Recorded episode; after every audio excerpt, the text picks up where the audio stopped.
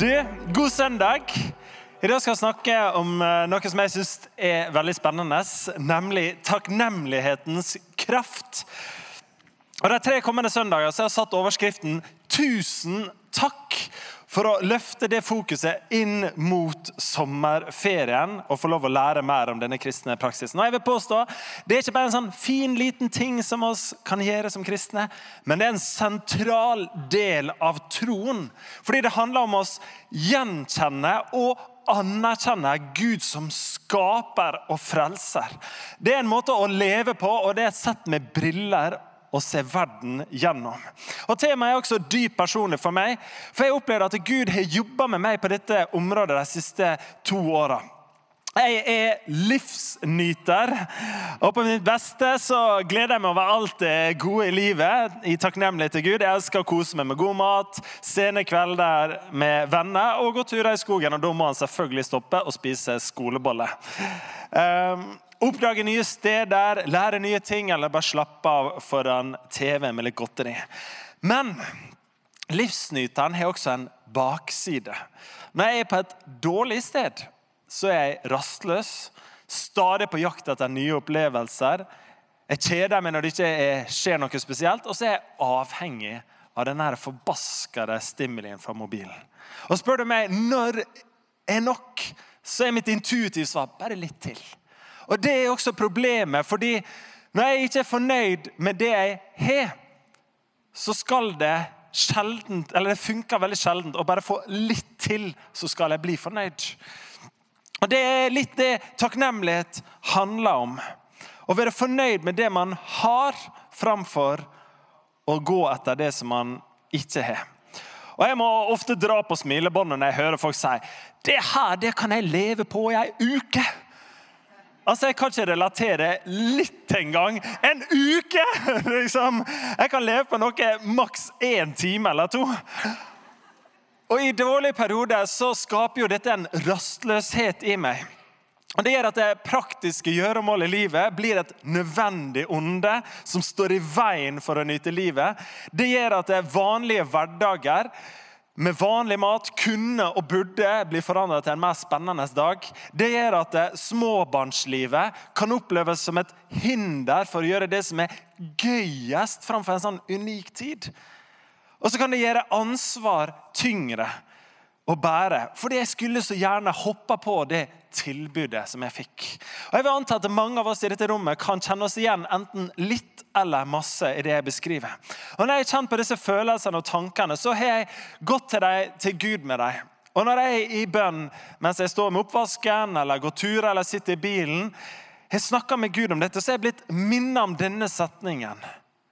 Takknemlighet er medisin for din rastløshet.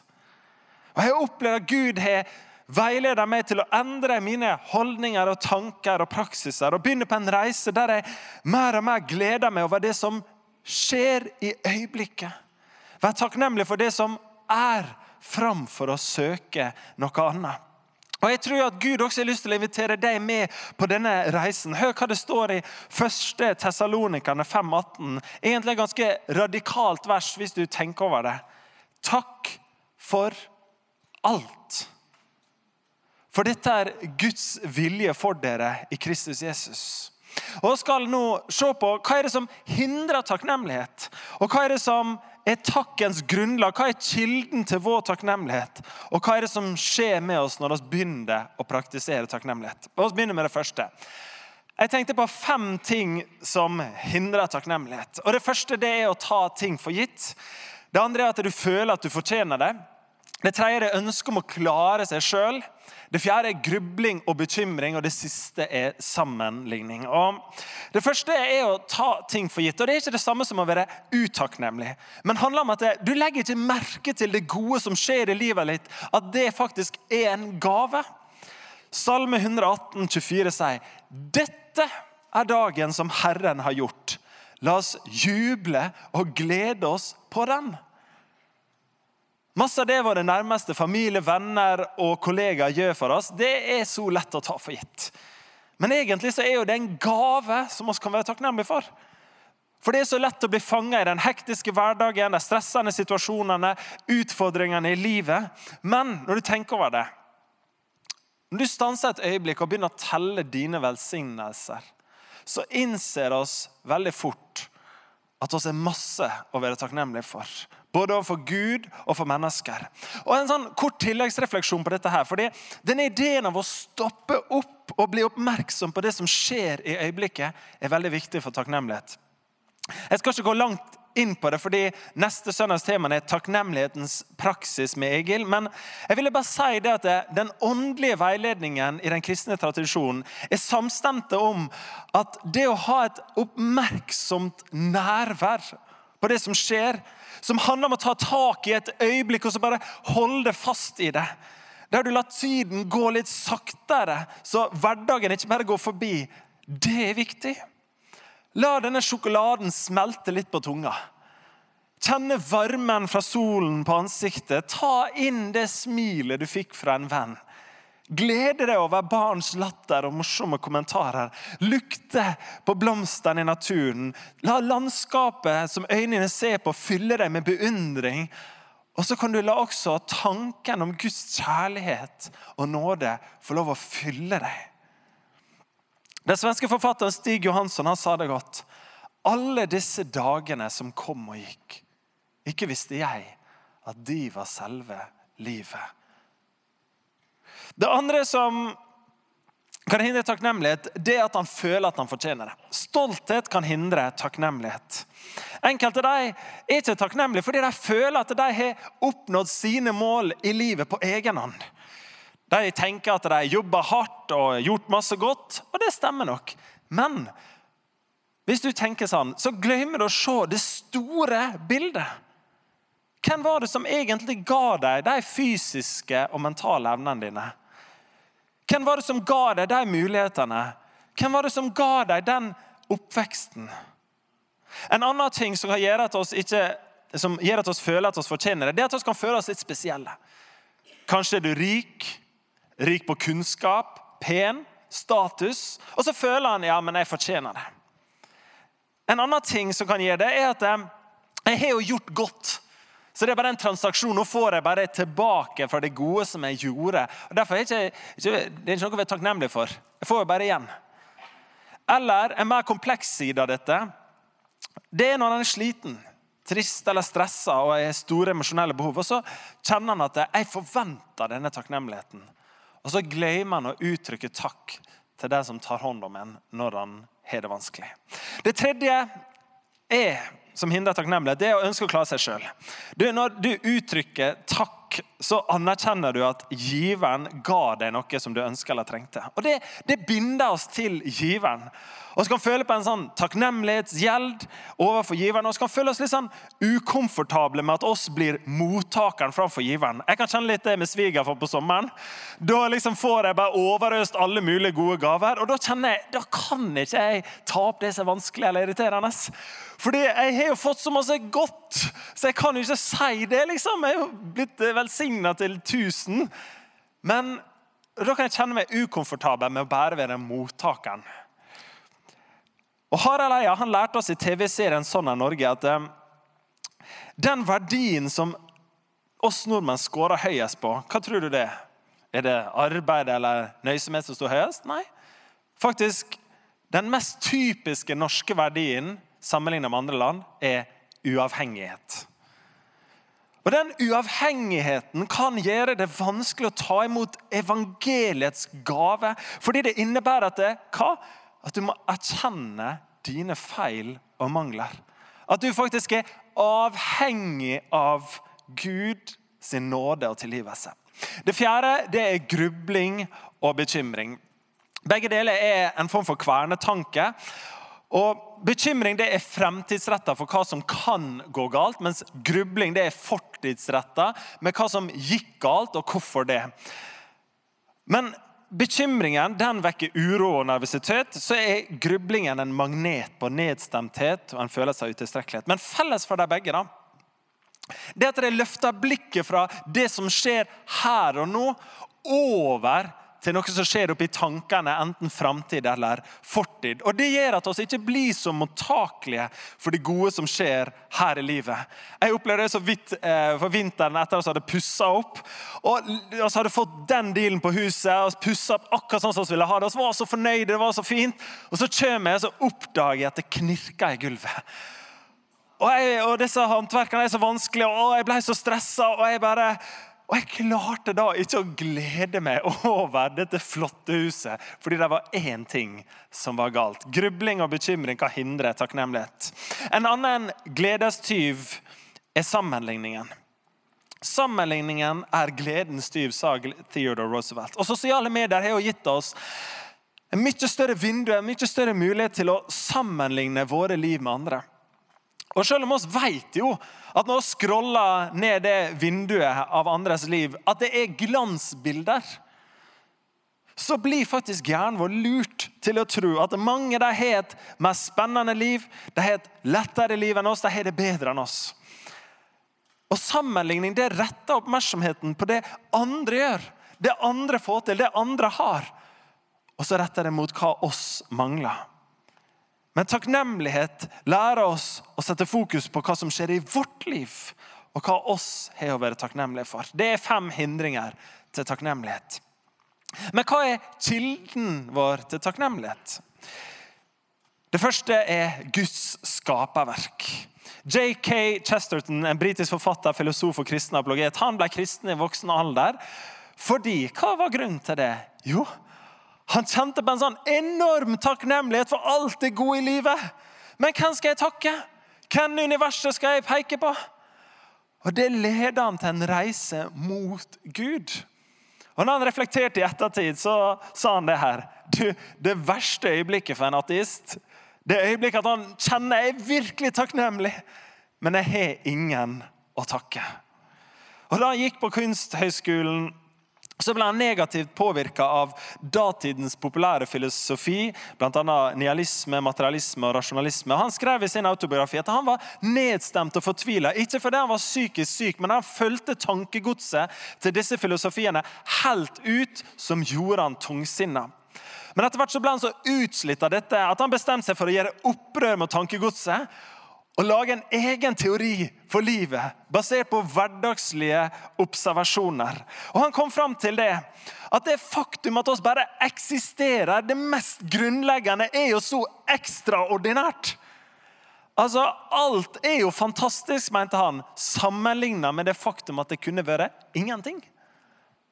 Og Han skriver i sin autobiografi The chief idea of my life is The idea of taking things with gratitude and not taking things for granted. Han beskriver et annet sted at uh, you say grace before meals. altså Grace betyr takkebønn, noe jeg mener for øvrig alle kristne burde gjøre. Takke for maten.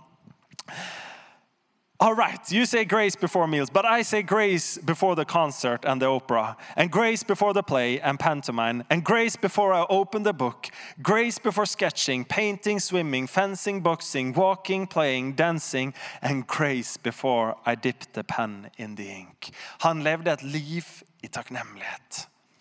Apostelen Paulus skriver til de kristne som befant seg i Roma, datidens mektigste og kunnskapsrike by, der han stusser på den manglende takknemligheten overfor Gud. For det han kan vite om Gud, ligger åpent for dem. Gud har jo selv lagt det åpent fram. Hans usynlige vesen, både hans evige kraft og guddommelighet, har fra verdens skapelse av kunne se og erkjenne av hans gjerninger. Derfor har de ingen unnskyldning. De kjente Gud, men likevel lovpriste og takket de ham ikke som Gud. Mennesker har til alle tider undret seg over hvordan verden ble til, og hvordan det kunne bli så fantastisk vakkert. Og Mange nordmenn forteller at det er midt i skaperverket, midt i naturen, at de kjenner og blir mest takknemlige overfor en sånn skaperkraft for det er et eller annet mektig, et glimt av Guds natur og karakter i verden sin natur. Som la vokse fram en sånn ærefrykt i oss. Det er et eller annet hellig der. Og denne takken burde lede oss mot en søken mot Gud, slik som med Chesterton. Men dessverre så er det altfor mange som aldri følger det sporet og finner stien tilbake til Gud. Men som kristne så må vi øve oss på å følge solstrålen opp og tilbake til solen, til kilden, til Gud.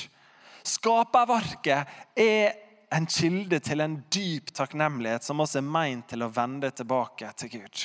Og I en verden som ofte fokuserer på det som oss mangler, hva vi burde kjøpe og hva som er feil, inviterer oss til takknemlighet. Der vi retter oppmerksomhet på det som oss har, på det som er rett, og på det som er vakkert. Og så har det en liten tilleggsting som er til oss kristne som en fallgruve som vi kan havne i. Fordi når misjonsoppdraget og verdens nød blir så altoppslukende at vi ikke klarer å nyte livet og alle deres gode gaver, da har vi bomma på målet. Eller når vi kjenner på dårlig samvittighet når vi unner oss ting. Jeg var litt i fare når jeg havna helt i andre grøfta, som, eh, men eh, sånn er det. Som nyfrelst og ivrig evangelist som ikke følte at det, folk tok jo ikke misjonsbefalingen på alvor. Og Jeg hadde en prat med den lokale sognepresten på Vallerøya, Kjetil Frøysa, som utfordra tankene mine og sa du, Halva, så vidt jeg vet, så, så er Gud han skapt naturen, maten og fellesskapet fordi at vi skal glede oss over det. Og Når jeg blar i Nye testamentet, så ser jeg ikke akkurat noen befaling eller veiledning om at vi skal slutte med det, selv om vi har fått misjonsbefalingen. Nei, Snarere tvert imot så pekte han på flere vers i Bibelen som korrigerte en sånn tankegang. F.eks. 1. Timoteus 4,3-5, der Paulus advarer og korrigerer en lære som har en negativ syn på skapelsen. Disse forbyr folk å gifte seg og krever avhold fra mat. Den som Gud har skapt for at de som tror og kjenner sannheten, skal ta den imot med takk.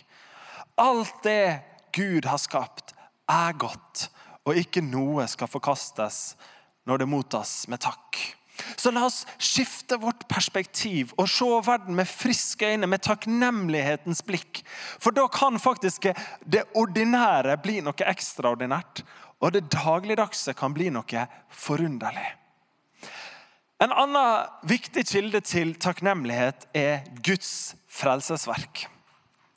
Og Guds frelse det må ikke forstås som noe som bare skjer én gang i livet, men det er faktisk et daglig nådeverk i våre liv, der oss fornyes og tilgis kontinuerlig. Og så Derfor først og fremst takknemlig for dagen da Gud frelste oss og kalte oss, som Skriften sier i Kolossene. Med glede skal dere takke Far, som satte dere i stand til å få del i de helliges arv i lyset. For Han har fridd oss ut av mørkets makt og ført oss over i sin elskedes sønns rike. Men så er vi også takknemlige for det Gud gir i oss hver dag. Hør 2. Tessalonikerne 2, 1-3. Vi skylder alltid å takke Gud for dere, brødre, som rett og riktig er, for troen vokser rikt hos dere, og kjærligheten dere imellom blir større hos hver enkelt av dere. Så skal både takke for det Gud har gjort i frelsen den dagen oss kom til tro, og for det Gud gjør kontinuerlig. På HLT så hadde jeg som eh, oppgave å skrive min tros- og livshistorie. og I den forbindelse så gravde jeg litt i mine åndelige røtter og oppdaget hvordan mine besteforeldre kom til tro. Og For dere som skal gifte dere som så kan dere finne inspirasjon i den brudebuketten. altså, Nå skal den komme på moten igjen, tenker jeg. Det er bra, altså. De er fine. Dagfinn til høyre og Gudrun eh, til venstre. Men for min morfar så skjedde det på en dramatisk måte. Han var fisker i starten av sin yrkeskarriere.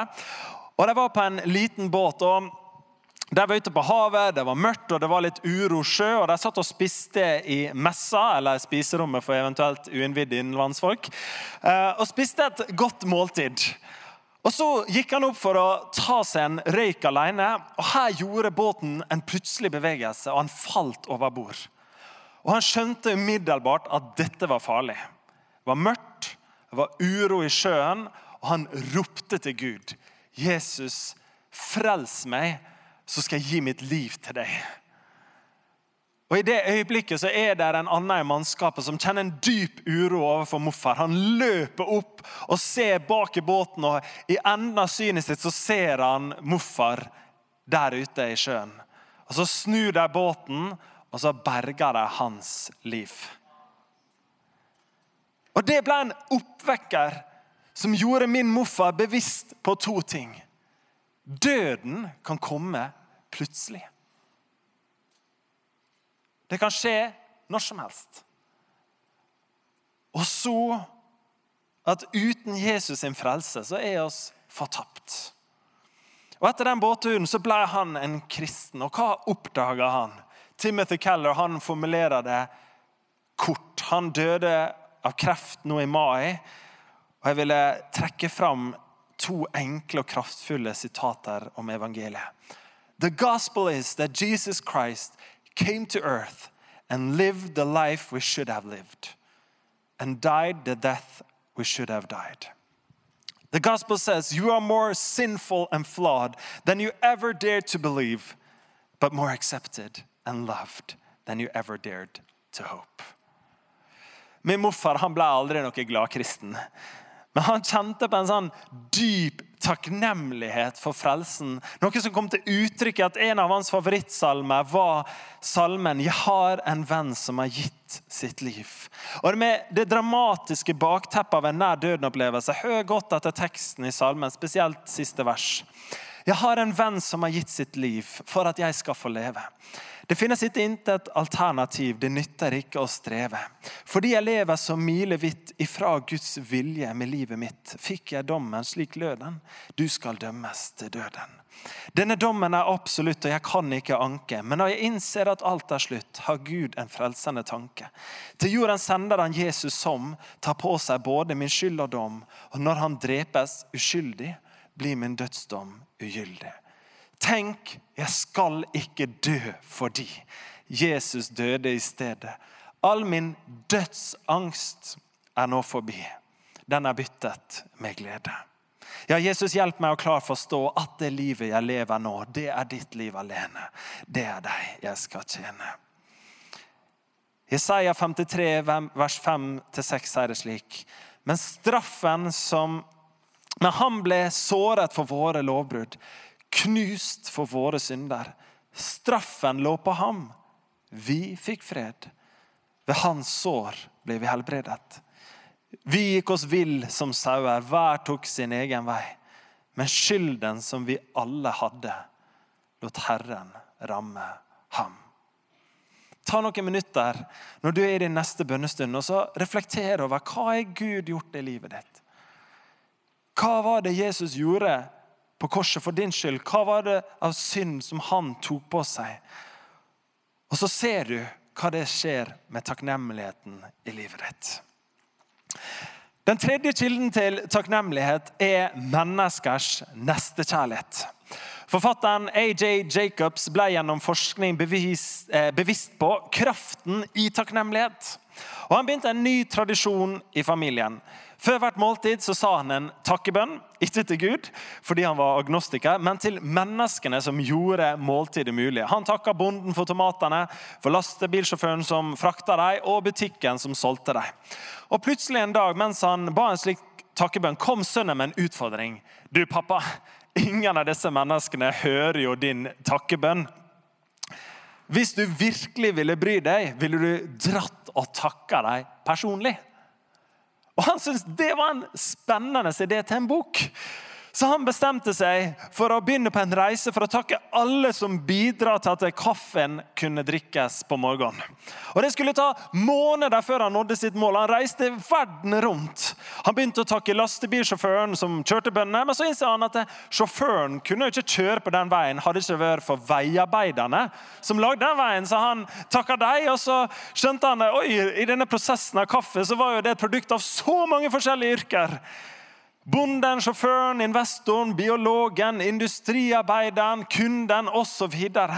Bokens tittel heter derfor 'Tusen takk', fordi han endte opp med å takke over 1000 personer på reisen. Og Det ble en livsforvandlende reise for han, fordi han fikk fokusere på de 100 tingene som går bra en dag. framfor de tre til fire tingene som går dårlig. Og så hjelper han å se hvor knytt sammen oss er som mennesker, og hvordan oss er avhengige av hverandre. Men en av de største lærdommene han kom, tok med seg, var fra den første stansen på takknemlighetsreisen, nemlig å takke baristaen på hans lokale kaffebar. Og Baristayrket er ikke alltid enkelt, med frustrerende kunder, stressede kunder og ikke minst fraværende kunder. Og Bristan takker Jacobs inderlig for å faktisk takke henne. Og så kommer hun med en innrømmelse. Du, Vet du hva det verste med den jobben er? Det er å bli behandla som en salgsautomat og ikke et menneske. Uten et blikk eller et takk. Og Jacobs han bare innser jeg har jo vært den idioten sjøl som står der med mobilen og ikke ser det mennesket. Og Han bestemte seg den dagen jeg skal alltid ta de to sekundene det tar for å se noen i øynene og si takk. Fordi det er med å anerkjenne at de er mennesker, og for den gode handlingen de faktisk har gjort. Paulus han sier flere ganger i Nye Testamentet Vær takknemlig. Og Når vi gjør det, så følger oss også Jesus sitt eksempel. For Han hadde det som vane å alltid anerkjenne de gode gjerningene andre gjorde. Jeg tenker på den fattige anken som han trakk fram, som ga det lille hun hadde. Eller kvinnen som helte olje fra alabastkrukken sin over Jesus. Eller Jesus som blir forundra over disse her spedalske mennene, der ti blir helbredet av bare én som kommer tilbake for å takke. Så la oss øve oss på å si tusen takk, både ofte og oppriktig. La oss ikke spare takknemligheten til takketalen på de store anledningene eller til de store tingene. Nei, la oss uttrykke takk ofte. La oss gjenkjenne velsignelsene vi mottar hver dag. Det er smilet, de gode ordene, den lyttende venn, eller til og med bare folk at de vil gi sin tid til deg. Og Det som skjer med oss når vi begynner å praktisere takknemlighet, det er at det endrer fokuset vårt. Når vi praktiserer takknemlighet, så flytter oss perspektivet fra det vi mangler, til det vi har. Forskning viser at hjernen vår er utrolig god på å være opptatt av det som er negativt. Og Det kan være bra når vi skal overleve, men det er en ganske dårlig måte å leve på. Og Både forskning og Bibelen bekrefter at en av de beste medisinene mot dette er takknemlighet. Det reduserer stress, gjør oss mer motstandsdyktige og øker vår generelle velvære. Altså, når du praktiserer takknemlighet, så velger du å se glasset som halvfullt framfor halvtomt. Og trener vårt indre til å se det som er godt, midt i alt som er vanskelig og stressende. Og Når vi uttrykker takknemlighet, så er det faktisk at vi blir mer ydmyke også. Og så anerkjenne at det, våre velsignelser kommer fra noe som er større enn oss. Det hjelper oss til å anerkjenne og sette pris på at alt er dypest sett en gave som vi ikke nødvendigvis fortjener. Og så hjelper det oss til å legge merke til alt det gode menneskene gir i livet vårt. Så skaper det glede. Takknemlighet det smitter. Det er så ubeskrivelig godt å være sammen med takknemlige mennesker som istedenfor å klage og uttrykke misnøye, hjelper oss til å se det som er godt, det som er sant og det som er vakkert. Og Når vi uttrykker takknemlighet, så kan vi faktisk lyse opp dagen til noen. For det hjelper oss å se at det, disse små handlingene har faktisk en positiv forskjell. Og så til slutt fordyper det vår tro. For når vi teller våre velsignelser og sender vår takk til Gud, så utvikles et nærere forhold til Gud. Vi blir mer oppmerksom på hans nærvær i våre liv. På alt det gode han sender vår vei. Og så, Når vi reflekterer over Guds frelsesverk med takknemlighet, så åpner våre hjerter til å ta imot mer av hans kjærlighet, mer av hans nåde og mer av hans veiledning.